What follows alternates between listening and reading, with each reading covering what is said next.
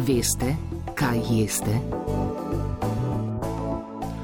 Ustrezna preskrbljenost z vitaminom D je ključna za normalno delovanje imunskega sistema, zato je na problematiko pomankanja tega vitamina stroka tudi med epidemijo COVID-19 večkrat javno opozorila. Vitamin D se sintetizira pod vplivom UVB žarkov v naši koži, za kar je potrebna zadostna izpostavljenost sončnim žarkom in to je pri nas izpolnjeno tekom poletja. Po zimi pa te biosinteze praktično ni, zato bi morali odrasli na dan zaužiti 20 mikrogramov vitamina D. A po podatkih Inštituta za nutricionistiko poprečen odrasli zaužije le od 3 do 5 mikrogramov dnevno, torej bistveno premalo, pravi profesor Igor Praust lahko ugotovimo, da v obdobju med podaljšano zimo, torej med novembrom in aprilom, kar približno 80 odstotkov prebivalcev Slovenije trpi za pomankanjem vitamina D, približno 40 odstotkov pa za hudim pomankanjem vitamina D.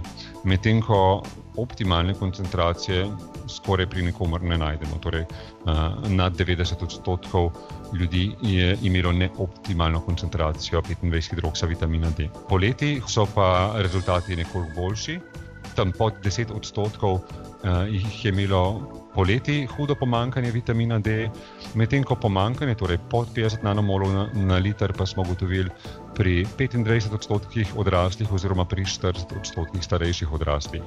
Še vedno pa večin, velika večina prebivalcev ni imela tudi poleti neoptimalnih koncentracij 25 hidroksivitamina D v, v serumu. Je pa raziskava inštituta pokazala, da se je med aprilom in decembrom lani delež odraslih prebivalcev Slovenije, ki so dodajali vitamin D, povečal iz 33 na 56 odstotkov. Ta delež se je najbolj povečal pri starejših, najmanj pa pri mlajših do 35 leta starosti. Profesorica Katja Žmitek, vodja raziskovalnega projekta Izzivi doseganja ustrezne preskrbljenosti z vitaminom D poleg odstotka prebivalcev, ki so dodajali vitamin D, nas še zanimalo tudi, koliko ga dodajajo, ker je tudi to pomemben vidik pri doseganju ustrezne preskrbljenosti. No, in ugotovili smo, da se je povprečni dnevni odmerek vitamina D pri tistih, ki so ga dodajali, um, nekoliko povečal iz povprečno 32 na povprečno 41 mikrogramov na dan. No, v obeh primerih smo ugotovili tudi, da je relativno majhen delež ljudi presegal zgornjo varno mejo 100 mikrogramov vitamina D na dan, tako aprila kot decembra je bilo takih ljudi približno 5 odstotkov. Raziskali smo tudi, kako je bilo dodajanje vitamina D povezano z znanjem, ki ga imajo prebivalci o vitaminu D. Um, in ugotovili smo, da so tisti, ki so ve, več vedeli o tem, da so le redka živila vir vitamina D, o tisti, ki so vedeli um, več o pomenu vitamina D za zdravje, ter vedeli več o tem, da nam pogosto primankuje, um, so bolj pogosto dodajali vitamin D. V okviru raziskave pa so preverili tudi kakovost izdelkov na tržišču prehranskih dopolnil. Izdelkov z vitaminom D je na trgu ogromno, samo anketiranci so poročali o več kot 90 različnih prehranskih dopolnilih v obliki kapsul, pršil, kaplic in tablet. Raziskovalci so zato izluščili in analizirali najpogosteje uporabljene izdelke, pojasnjuje Igor Praust.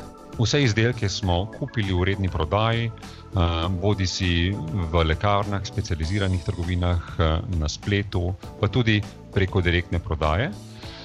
In potem, ko so bili izdelki poslani v analizo v akreditiran laboratorij, smo preučili, ali je bila vsebnost vitamina D v teh izdelkih v intervalu med 80 in 150 odstotki deklarirane vsebnosti, torej tiste vsebnosti, ki jo je obljubljal proizvajalec. Od 24 vzorcev, ki so bili analizirani, smo našli le dva, ki nista ustrezala temu intervalu med 80 in 150 odstotkov. In sicer eden je vseboval le 36 odstotkov obljubljene količine vitamina D, drug pa precej več, torej 206 odstotkov, predvidoma so dodali večjo vsebnost zaradi nestabilnosti preparata, torej da dosežejo ustrezno količino vitamina D tekom roka uporabe. Izpostavim lahko tudi, ker smo ugotovili, da cena ni nujno garancija za kakovost.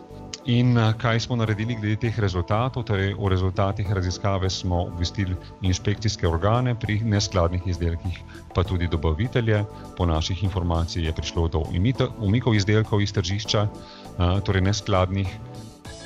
Brez preverjene sestave, torej kakovosti prehranskih dopolnil, potrošnik ne more samo vrednotiti.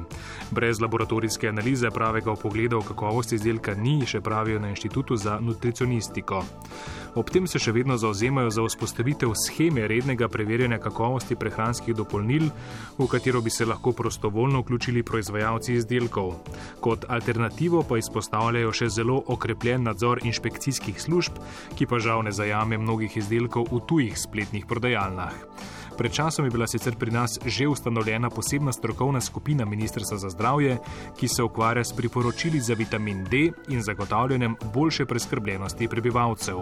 Seveda, en način je, da bi prebivalci spremenili prehrano, uživali več rib in, in tako naprej, ampak kot rečeno, je tudi na ta način težko zaužiti dovolj vitamina D. Drug možen ukrep je začetek bogatenja nekaterih vrst živil z vitaminom D, torej da bi tista živila, ki jih že sicer zdaj uživajo prebivalci, vsebovala umetno dodan vitamin D so, v ta postopek so šli recimo Kanada in nekatere nordijske države. Tretji ukrep pa je seveda do, dodajanje z dopolnili.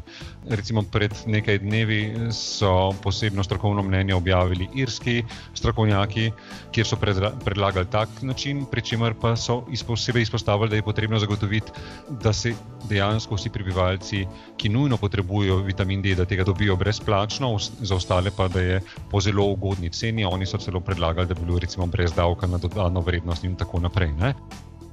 Tudi raziskava o doseganju preskrbljenosti z vitaminom D pri nas je pokazala, da se močno razlikujejo tudi cene prehranskih dopolnil. Če bi posameznik dnevno užival po tisoč enot najcenejšega analiziranega skladnega izdelka, bi bil strošek na mesečni ravni nižji od enega evra. Veste, kaj jeste?